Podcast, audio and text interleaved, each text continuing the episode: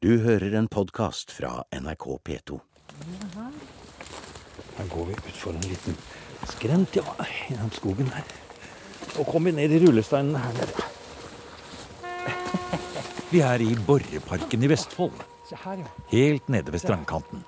Bak oss ligger de store monumentalhaugene fra jernalderen, og foran oss ligger Oslofjorden og skinner. Nå går vi bare en meter fra nåværende vannkant. Her er det skjell, sand og steiner og rullesteiner. Det er Terje Gansum, arkeolog og det som tilsvarer fylkeskonservator i Vestfold, som har tatt oss med hit ned. Nå har jeg gått rundt i denne parken i mange år. og, så, og så er det jo ting jeg lurer på. Og en ting som fikk meg, har fått meg til å lure veldig mye, det er den der forkastninga, den skrenten du ser, går i landskapet oppover her. nettopp. Det eneste jeg er sikker på, det, eller skjønte, det er jeg tror ikke dette er natur. Eh, vi har alle disse strandvollavsetningene et, ettersom landet har heva seg. Eh, og dette går 90 grader på fjorden. Og den er inntil 3,5 meter høy, den skrenten. Så fikk jeg besøk da fra Østerrike, i og med at vi jobber sammen med folk i Ludvig Boltzmann institutt, og der er det en geolog, professor, som heter Erich Draganitz. Og han og en professor i arkeologi som heter Michael Doneus, vi tre gikk her. Så sa jeg at nå vil jeg ha noen kvalifiserte meninger. Jeg, jeg tror det er menneskelagd, men jeg vet ikke forklaringa. Eh, kan dere hjelpe meg? Ja, så var det å se på LIDAR-bildene. Og her skyter vi inn at både geologen og arkeologen Terje Gansum forteller om, er tilknyttet den samme forskningsstiftelsen i Østerrike som står bak utviklingen av georadar og flyskanning, såkalt LIDAR, som hjelp til å forstå arkeologiske strukturer i kulturlandskapet. Og kunne denne nye teknologien gi noen svar på hva de flere hundre meter lange vollene som strekker seg fra haugene og ut i Oslofjorden, kunne være? Og så pekte han Draganis på meg at dette er en formasjon, det er en kjempesvær utfylling. Den må egentlig ha skjedd i bronsealder. Men hvis du titter litt lenger nede, sånn, så har vi en til som stikker nesten ut i fjorden. Og det er samme type arbeid som er gjort, som er yngre. Og det var starten til å finne havna. Så nå skal vi gå ned og se på det som vi fant der nede. Men dette er, er en del av Borres historie som ingen har begynt å jobbe med ennå. Det er bronsealderen. Og da begynner vi å snakke kontinuitet.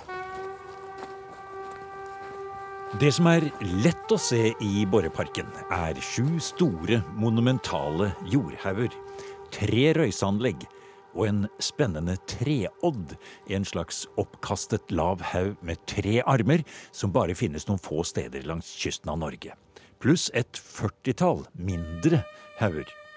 I tillegg er to store hauger blitt gravd ut og fjernet på 1800-tallet, og i en av dem ble det funnet spor etter et skip. Men det som ikke er så lett å få øye på, det er den havnen som en gang må ha vært her. Og en annen ting som er borte i dag, er de kjempestore gildehallene, høye og lange forsamlingshaller som var reist blant haugene og gjorde hele dette området til et kjempestort anlegg som har ruvet ut mot Oslofjorden. Kanskje helt fra bronsealder og til middelalderen. I hvert fall helt sikkert fra 400- og 500-tallet og noen hundre år framover. Hvor stort det har vært her, begynner vi bare å ane, sier Terje Gansum. Skal du se at um, her har vi den naturlige strandkanten. Nettopp. Og så starter det noe i 90 Ja, grader som bare består av stein. Det er et uh, bryggefundament.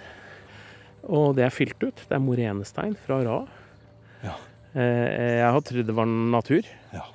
Men uh, når jeg tok med meg geologen, da, og vi var her nede og så, så er det Det heter jo langgrunn her. Og det gjør det jo ikke uten grunn.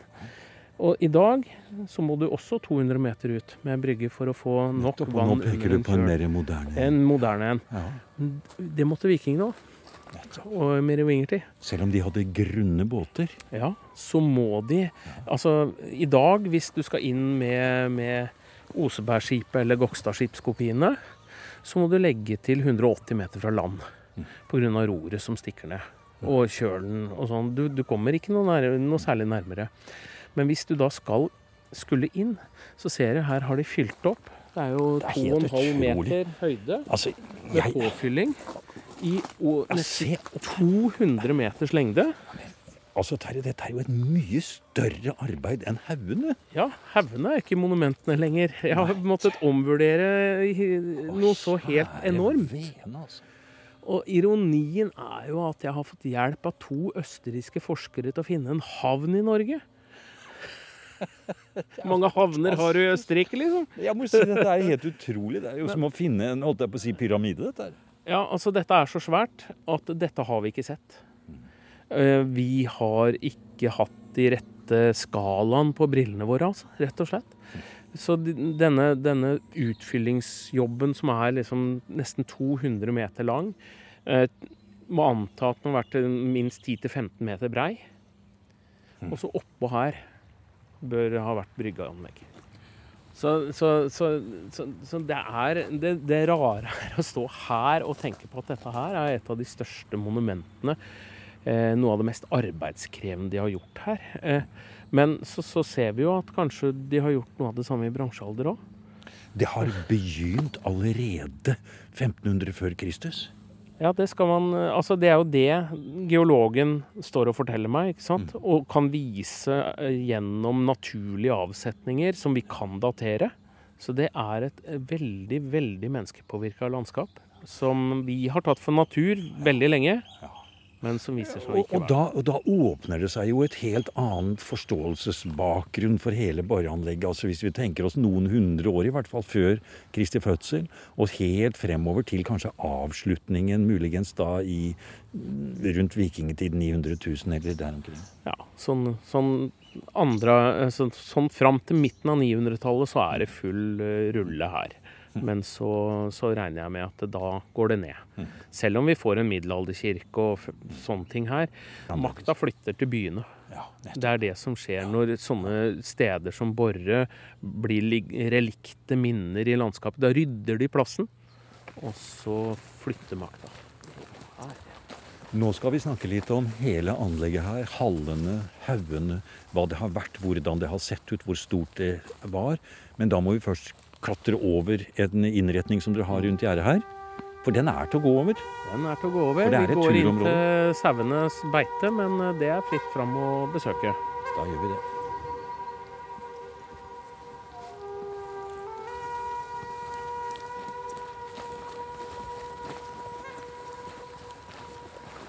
Nå driver jeg og ser rundt i landskapet og ser sånne forhøyninger og Ja. voller og sånn som jeg ikke helt tatt hadde lagt merke til før. Altså. Det er jo et paradoks. Her, har- her har vi Ja, gått du har gått der mye, eh, Terje. ufattelig mye. Og, eh, altså sammen med Bjørn. Vi har jo Ja, Bjørn Myhre, og du har jo leita etter havn. Ja. Så liksom, det er så svært at vi ikke har sett Ja, hvor er havna? Har dere tenkt så har dere gått Ja. midt inni den? Ja.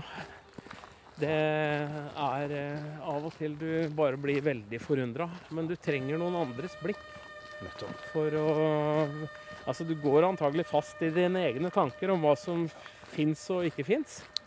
Så det å få litt eh, bistand fra forskere helt utenfra, det er ikke dumt. Tror jeg vi skal gå over her. Ja. Vi oss over? Ja, vi, har, vi har et klyv der borte. Der borte det tar vi. Ja, det tar vi. Når vi skulle publisere denne artikkelen om havna, som vi har gjort i et geologisk tidsskrift, så slapp vi å diskutere med alle disse arkeologene. For da har vi liksom slått fast at eh, hva er natur, og hva er kultur? Så gjør vi det i et godt renommert geologisk tidsskrift. Ja. Så slipper vi masse synsing og dilldall, Sier arkeologen. sier arkeologen. eh, men vi la inn da på Lidaren høydemodell. Så tok vi vannstand fem meter, fire meter, tre, tre og en halv meter. Og så mm, tok vi da eh, måla til Osebergkopi og, og Gokstad-kopi. Hvor dypt stikker roret, og hvor dypt går kjølen. Og med 3,5 meter vannstand så får begge de to vikingskipa helt inn Ja. til vollen. Ja. Da, da, da, da kan du hive trossa på en trekanta, svær jordhaug. Og så har vi gjort funn av noe slagg her, og det hører jo med til reparasjoner i et havneområde osv. Så, videre, så det, det, vi er i ferd med å få kartlagt litt av det også. Sånn at eh, havna her eh, kommer vi til å se mer til. Ikke minst da med litt nye funn av skip og sånt, som er rett i nærheten.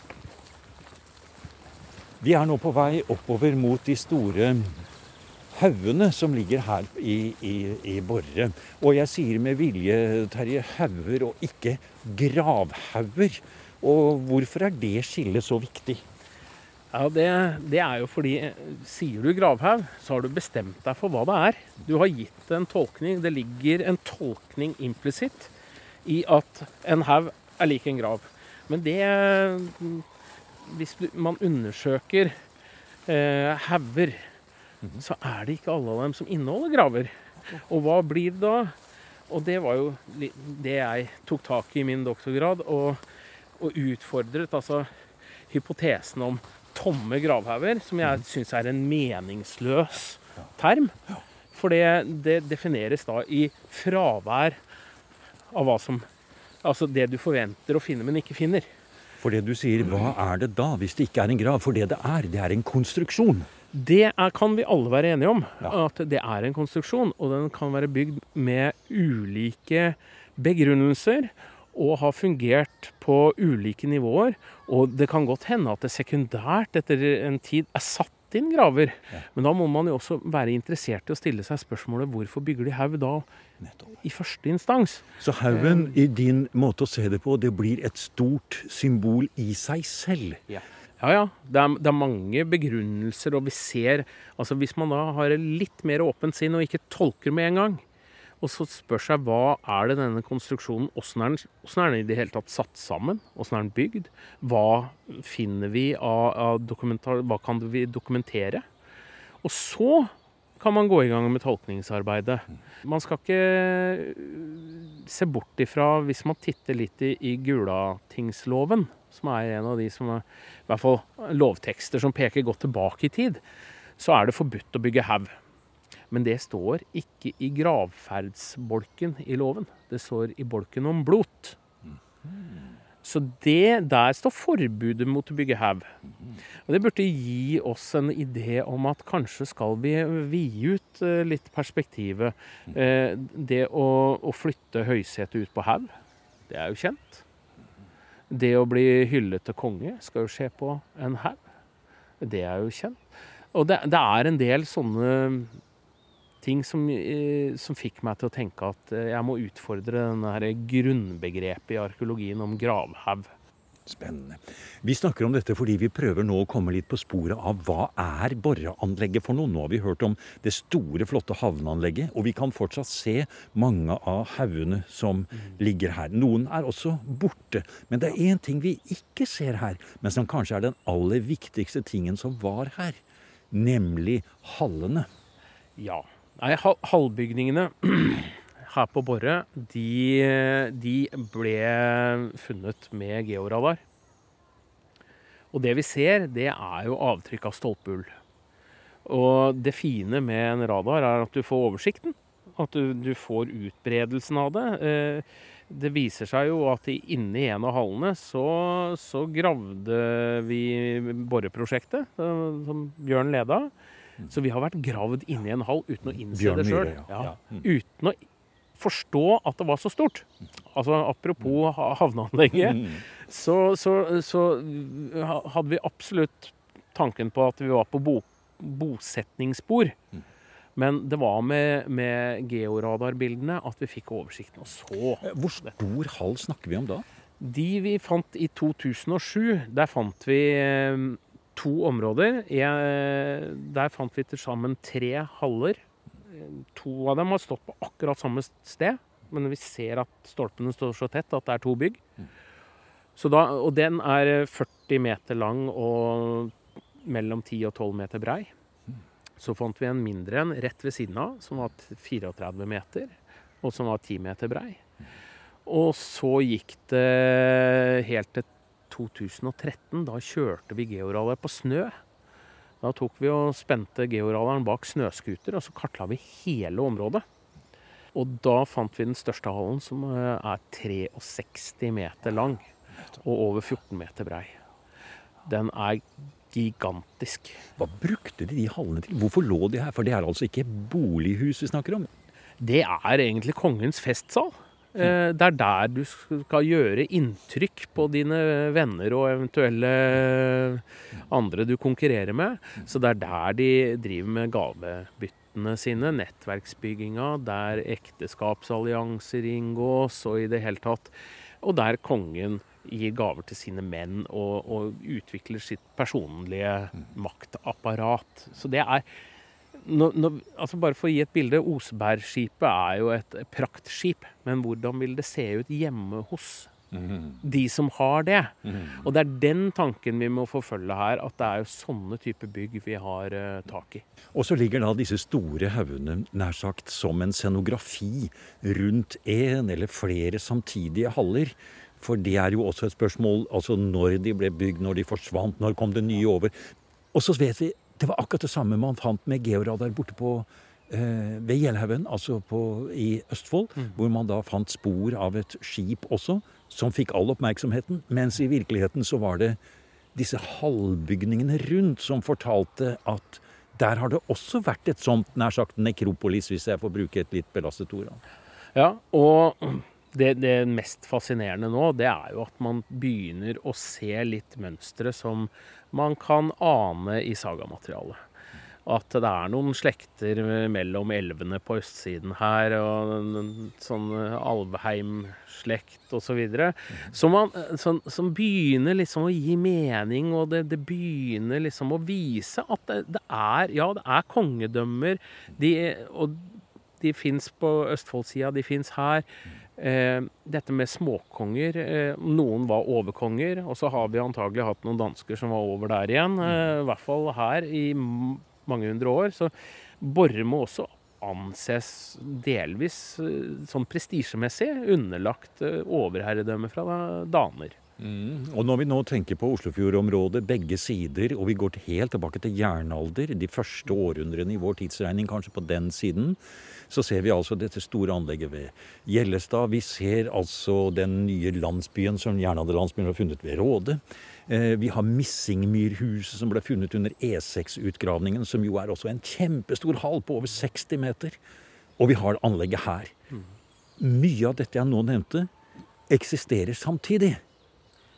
Ja, og det er helt åpenbart. Eh, Og ser man på eh, noe sånt som Tunnerskipet, Gokstadskipet og Borreskipet her, de ble jo satt i bakken i løpet av et tiår. Jeg er helt sikker på de kjente hverandre. De, de har omgåtts. Eh, de har kjent til hverandre. Så, så man begynner å få en, en, eh, en idé om mer sånn sosiale settinger. Og så syns jeg det er ganske spennende at nå begynner å få tak i når Borre begynner å bli bygd. Og vi får de første dateringene på 400-tallet. Bare det å gå rundt i det store parkanlegget ved Midtgardsenteret, klatre opp på de enorme haugene og kanskje gå inn i den flotte og imponerende Gildehallen, som er bygd, som Terje Gansum sier, som et argument, som et forslag til hvordan de store Gildehallene man har sett spor av på georadarbildene, kunne ha sett ut. Bare det å oppleve disse omgivelsene gir en fantastisk følelse av å gå rundt i selve historien. Og vi kunne ha snakket om Svartmetallfestivalen, som har vokst seg så stor at det kommer tusenvis av fans fra hele verden for å høre black metal på Midgardsblotfestivalen i august. Perfekte omgivelser, må man vel si. Men før vi avslutter dette programmet og går tilbake til vikingtiden, ser vi en, jeg hadde nær sagt, helt ny haug like ved Gildehallen. Eh, men hvis du ser nedi, nedafor skråningen, så ser du et sånt betongdekke. Ja. Dette er deler av Masa-leiren til nazistene, til tyskerne. Nei, altså. En svær militærleir Nei, altså. som lå her under andre verdenskrig. Eh, og det er eh, mange sånne brakke fundamenter i betong, og det begynner å bli dårlig. Så vi tok gravemaskinen, klappa den sammen og lagde haug. Lagde, lagde en haug, Ja, så inni der så er det aller yngste germanertid. Ja. Apropos det du nevner der med at Wehrmacht hadde sin store leir her. Også den norske NS likte jo dette området veldig godt. Ja, fra 35 til 44 hadde de pinseleire på Borre og brukte området aktivt. Og det er klart at Quisling han ville jo fremstille seg selv som den moderne germanske helten. Eh, altså, I parken så har vi rester etter Vidkun Quislings talerstolanlegg. Eh, jeg er like opptatt av å ha det freda som haugene. Og det skal fortelles om. Og da skal vi vise at sånn var det, og så fortelle dem om at historie er også ting som gjør vondt. Og kan misbrukes. Jeg liker ikke ordet misbruk, da. Jeg liker bruk. For det, det er den som har makt, som sier hvem som bruker historien. Eh, Så, så, men altså et utsagn som kunne passere i 1942, passerte ikke i 1946. Og da er det jo fordi noen andre har fått makt, og andre har mistet den. Eh, det, det, så, men Borre er et sånt sted hvor vi kan finne veldig mange av disse lagene av historie. Eh, og bruken av stedet. Og det er veldig mange som har brukt stedet på helt ulike måter. Eh, og, og hatt helt ulike forestillinger om hva det representerer. Og mens Terje Gansum har fortalt energisk om alt hva Borreparken rommer, så har vi kommet fram til slutten av programmet og en liten gresslette som ser helt vanlig ut, hadde jeg nær sagt. Men for ikke så lenge siden gikk georadarbilder fra akkurat dette stedet overalt i alle medier. På samme måte som ved Gjellhaug i Østfold kunne man ane konturene av det som en gang har vært et skip, og selv om det er lite sannsynlig at det er særlig mye tre eller organisk materiale i bakken, så er avtrykket helt tydelig. Det så vidt Nå, nå, nå, former du, nå, former du liksom skipet med, med Ja. hendene. Hvis du ser eh, Vi har rundt, ja. latt gresset gro litt Ja, ja. eh, lengre her. Eh, Nå Ja. er det akkurat nyklept, så det er litt vanskelig å se. Hmm. Men omtrent her og bort til stien. Aha, hvor langt er det, da? Det er 14 meter klarer vi å måle den, det skipet. 14,1 meter måler vi.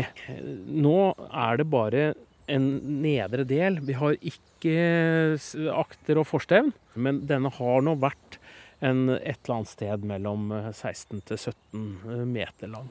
Og det er jo stort, og da har dere helt sikkert funnet spor av fotkrefter og andre ting som har gått rundt den haugen som sikkert har ligget over, eller? Nei, Har det, det, vi har noe som kan kanskje være rester av en avgrensning. Mm. Men det er vi jammen ikke så sikre på. Så eh, vi kjenner jo eh, skip som er satt ned uten store hauger i Vestfold. Går vi til Kaupang, på Bikkjolberget, så er det på 800-tallet der satt flere Det er båter, da. Som er gravd ned med en veldig lite løsmasse over.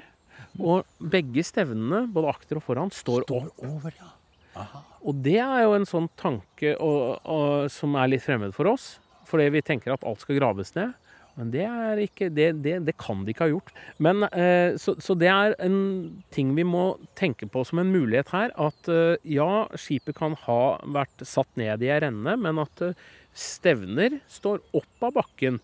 Og at det er en, en ganske lav haug som ligger over. Så vi har egentlig ikke noe kunnskap om at det skal ha ligget noe stor haug som er fjerna her. Så vi må i hvert fall være åpne for at kanskje det ikke var noe haug her. Nettopp. Ja, for Det er jo litt fascinerende å tenke på når vi i dette programmet har snakket om at eh, ofte finner arkeologene det de leter etter. holdt jeg på å si. Altså Man har en forestilling om noe, og så sier man ja, det er det det er. Og så har man kanskje en for smal forståelseskorridor. Du har jo selv fortalt om hvordan du har gått til dette området og ikke engang så havneanlegget før du da blir oppmerksom på det gjennom nye metoder. Eh, og alle vil jo så gjerne ha et vikingskip, eh, virker det som. Det er vikingskip for alle pengene. Men det hadde jo vært utrolig spennende å fått litt mer kunnskap også om århundrene før den såkalte vikingtiden. Absolutt. Og, og veldig mye av tyngdepunktet av det vi har dateringer på her på Borre, eh, bortsett fra selve funnet som Nikolaisen gjorde, så er det jo utrolig mye fra 600- og 700-tallet her. Eh, veldig mye. Så det er, det er ingen tvil om at eh, en, en, virkelig glansperiode i Borres historie er de århundrene der. Mm, kanskje man skulle tenke på å forlenge vikingtiden litt bakover i tid? Jeg har uh, vært så frekk jeg, at jeg tenker at vikingtida den starter umiddelbart etter folkevandringstid. Jeg, jeg, jeg tenker at skal du forstå de endringene som skjer på 800- og 900-tallet, så må du forstå det som skjer på 600- og 700-tallet. og det det er ikke noe sånn eh, vakuumperiode, altså. Det, det bygges opp enormt med monumenter og anlegg i disse århundrene som tyder på at det er en elite som er i ferd med å virkelig definere seg sjøl. Og det tror jeg henger sammen med den utviklingen vi ser i vikingtida, som sagaene beretter eh, mye om, de òg. Så jeg slår et slag for at vikingtida er mye lenger. Du har nå hørt en podkast av programmet Museum fra NRK P2. Og send gjerne en e-post til museum krøllalfa nrk.no.